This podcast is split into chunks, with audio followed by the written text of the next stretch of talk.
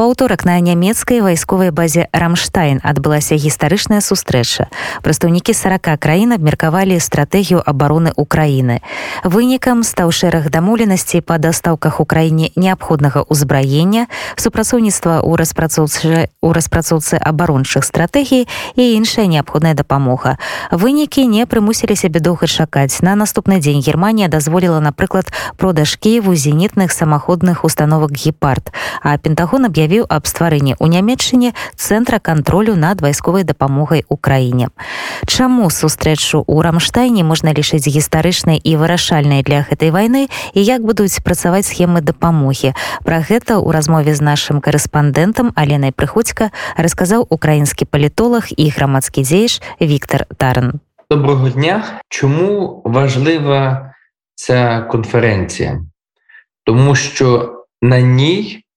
фактично західні країни е, публічно визнали, що міняють філософію підтримки української армії та українського народу у боротьбі з росіянами. Якщо до цього часу росіяни стикалися з тим, що українцям надають підтримку, те, що називається концентрація на окремих невеликих підрозділах, частково оборону зброю, да, яка не важка зброя.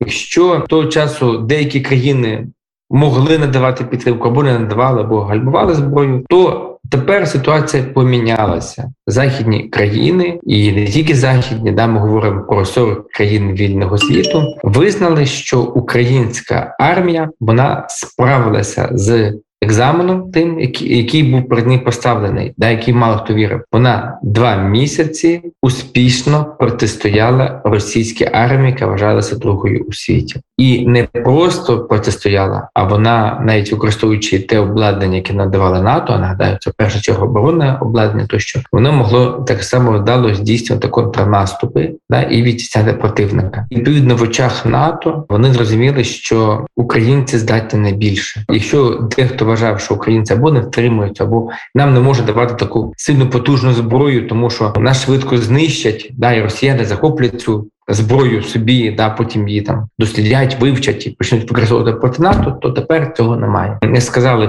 американські урядовці.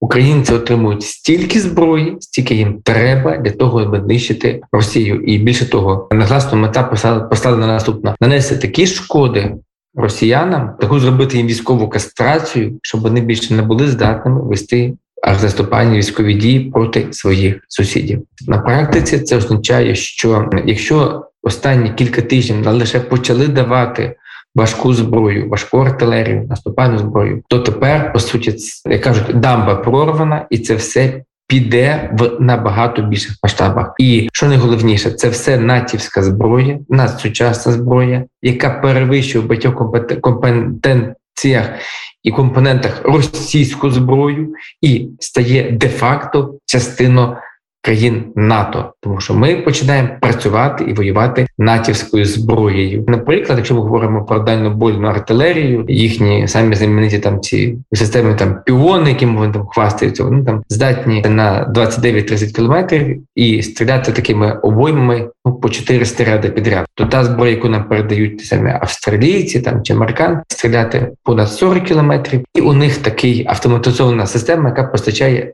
за один заряд 25 снарядів. Тобто в 6 разів. Пасля того як адбылася гэтая сустрэча на базе рамштайн на наступны дзень быў візіт да Пуціна генерального секретара аан і про гэты візіт ходзіць такія разнабаковыя меркаванні. Хтосьці кажа что навошта ён прыехаў просто каб пабыць там подставкой для мікрафона Пуціна. Нічога новага Путін не скажаш свои погляды не зменіць. Вось як вам падаецца як павязаны па-першае дзве гэтыя падзеі і навошта ўсё ж таки гэты візіт генсека быў патрэбны зараз? Друг питання легше відповісти. Ці дві події вони не були між собою пов'язані аж ніяк да? Тому що ООН – це швидше гуманітарна організація яка має слідкувати за правами людини та свободами людинами ну а НАТО це військовий блок. Тому не пов'язане. Але от якраз із компетенції ООН і викликів, які перед ними стоять, то я в принципі розумію логіку цього візиту. Більше того, та критика, яка йде на ООН останні два місяці, ну вона заставляє очільників організації Об'єднаних Націй діяти, і вони вирішили діяти тим шляхом, який вони вирішили здати набагато ефективнішим. Це прямі переговори і поспілкуватися з Путіним. Дехто каже, що це помилка.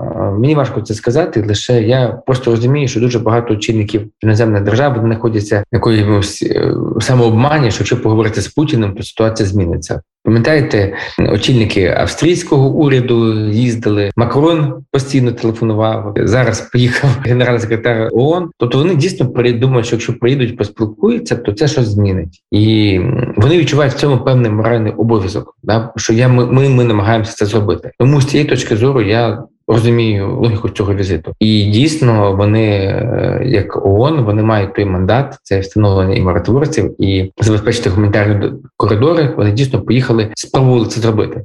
Скажу більше, якби вони цього навіть не пробували робити, то це було б гірше. Да? А так е, весь світ черговий раз поконав, переконався. Те, що є таке гарне слово, не договороздатність російського лідера Путіна. Да він просто нікого не хоче чути, і коли його якби його не просили і не закликали виконувати статут ООН, дотримуватися декларації прав людини, сповідувати гуманітарні та гуманні цінності, де він нікого не слухає, і в очах цивілізованого світу він черговий раз себе показав таким м'ясником, вбивцею, диктатором. Тобто, хоч би заради цього, і варто було б зробити, тому що ми пам'ятаємо, що коли декілька тижнів тому Росія виключала з комітету справ людини, ООН, да там було дуже багато дискусій, варто чи не варто це робити. І тепер, після цього візиту, я думаю, генеральний секретар, коли повернеться, у нього буде більше аргументів для тих країн, які не голосували проти або утрималися. Таких я нагадаю, було більше півсотні, да більше аргументів для того, щоб пояснити, що друзі, це проблема все таки з Росією, да з лідером. То вони чудово розуміють, що вони роблять. Вони роблять геноцид українського народу, але при цьому вони і лукавлять. Коли повернуться знову до зустрічі у Рамштайні, ось тая зброя якую зараз будуць надаваць Україніне у адказ на гэта Росія таксама адрыгавала Ну і зноў пайшлі пагрозы насколькі вось гэтая зброя на ваш погляд насамрэч дапаможа Дивіться одним із ключових результатів цієї конференції стало створення єдиного логістичного центру постачання зброї Україні під контролем і головуванням американської сторони. Тобто вони будуть по суті самостійно разом з Україною визначати і узгоджувати потреби, які нам є, е, виходячи з тих секторальних і тактичних і стратегічних задач, які має виконувати українська армія, і будуть збирати цю зброю з усіх союзників. Ну умовно, да е, чому це важливо? Тому що м, світ зараз помінявся, і війни помінялися. Зараз ведуться так звані, якщо раніше війни йшли там, наступали там десятки тисяч на сотні тисяч, да, і мали величезні жертви, то тепер у нас іде боротьба за так звані е, точки сили. Точки сили це може бути комунікаційні, енергетичні, інформаційні, людські, там ну е, логістичні. От хто контролює ці точки, той і виграє потім війну. Для того, щоб зараз ці точки контролювати, там треба подавити вогневою місцю, да, а потім захопити локальними невеликими силами. От я в попередньому 5 хвилин тому розказував, як на артилерії, які нам можуть постачати, да, як, наша артилерія контр е, артилерійській боротьбі починає випереджати російську артилерію на понад 10 кілометрів. Да? Тобто ми можемо їм наносити такі втрати. І це ж не тільки артилерія, да? це там танкам, БТРам тощо. І відповідно просуватися. Те саме стосується систем ППУ, протиповітряної оборони. Так? Ну і, і перелік може продовжувати. Що це означає на практиці? На практиці це означає приблизно таку схему, як я це розумію, як кажуть на хлопський розум. Да? Американські країни НАТО вони погоджують із українцями, які наступальні операції буде робити Україна для того, аби звільнити ту чи іншу територію або зупинити контрнаступ е, наступ росіян. Вони розуміють, що нам для цього потрібно. Да, Вони серед союзників набирають там, знаю, там нам треба 12 громад.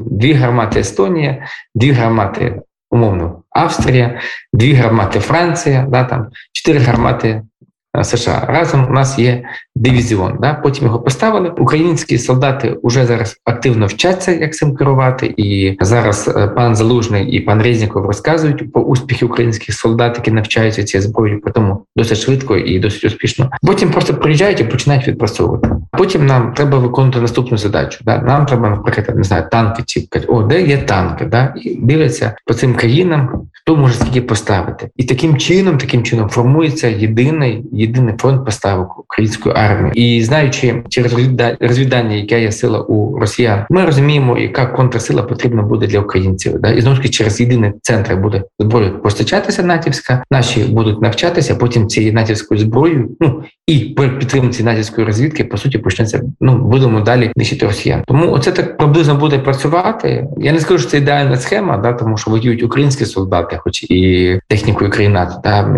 і але в даному випадку про таку схему навіть місяць тому назад можна було тільки мріяти. Да, коли ми просили дати зброю, важко нам не давали. Ну бо до кінця не було віри. Ми сумнівалися в тому, що вистоїмо. А зараз все є. Тепер повторююсь, у нас зброї більше ніж треба, і у нас вже по деяким бойовим одиницям навіть випереджаємо росіян. Ми говоримо зараз про тактику технічні, і звичайно, це все зробить кардинальний перелом на нашу користь. Питання в тому, що це настане дійсно через декілька тижнів. Наступні тижні будуть дуже важкими, і росіяни атакують на Донеччині, на Запоріжжі, це на біля Харкова, на біля Ізюма. Це все буде призводити до втрат, до жертв серед мирного населення, серед наших військових, серед героїв. Але стратегічна, стратегічна перемога і перевага вчора відбулася. Це так по суті, знаєте, це як е, те саме, що було на знаменитій Тегеранській конференції 43-го року, коли так само союзники домовилися про збільшення програми ленд-лізу для радянського союзу. Там відкрив ну там ще багато цікавих моментів. До речі, дехто так і порівнює цю конференцію конференцію 1943 року Тегерану в Тегерані.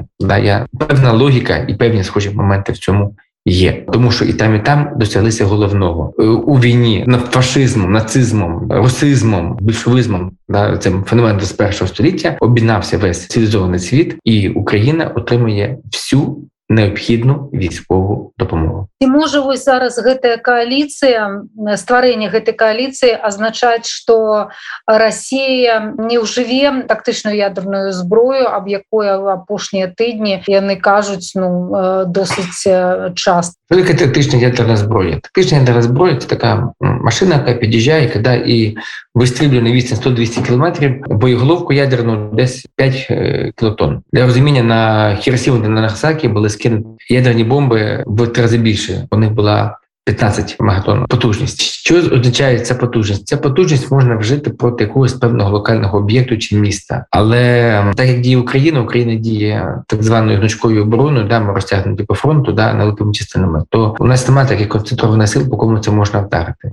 От, А наносити удар по Києву чи по іншим великим містам, ну зараз вже досить складно. Да? Плюс наші союзники вже заявили, що якщо навіть буде хоч мінімальна спроба з боку росіян це зробити, вони будуть отримувати відповідний удар. Ну і найголовніше, якщо в перші тижні світ ще боявся Росію і боявся, що буде ядерна зброя, то тепер з кожним днем все більше і більше переконуються, що Росія шанс є, да, тому що голові сумасшедшого диктатора і м'ясника Путіна ніхто не знає, але шанси мінімальні. Які ваші прогнози? Скільки ще може довжитися? Ну по меншій мірі, ну така активна фаза гэтай війни? Не знаю. Правда, дуже важко передбачити.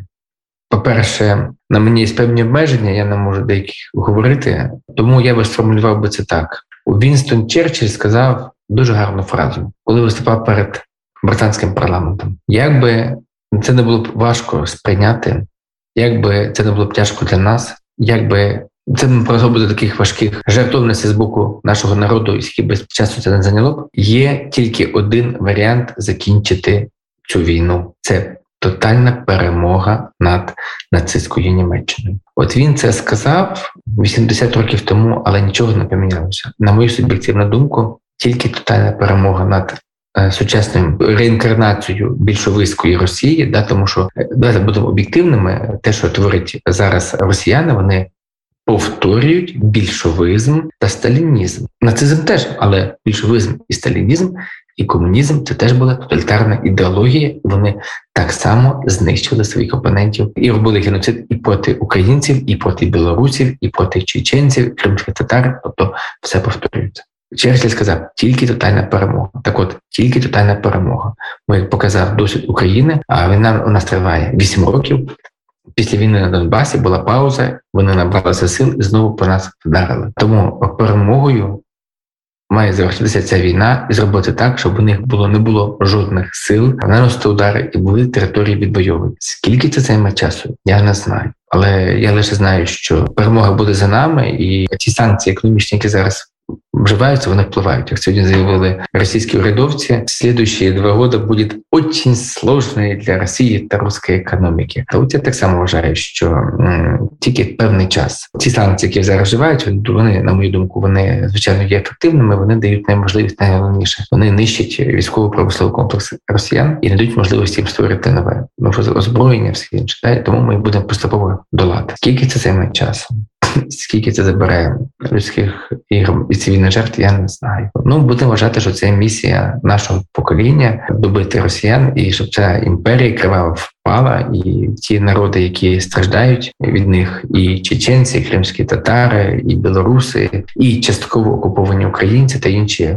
Вони здобули волю. Зараз є міжнародна коаліція 40 країн і наша підтримка. По суті, ми ведемо третю світову війну. Уже після вчорашнього дня точно це можна сказати. Тобто світ чітко поділився. Да?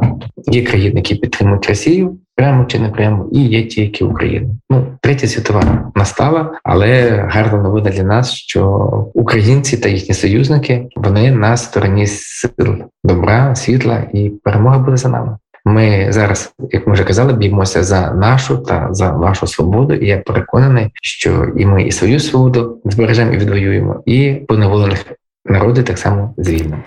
Рашэнне ў рамштайне мы абмяркоўвалі з палітолагам і грамадскім дзеячым Віктором таранам нагадаю на нямецкай базе у аўторак прайшло абмеркаванне ваеннай дапамозе ў краіне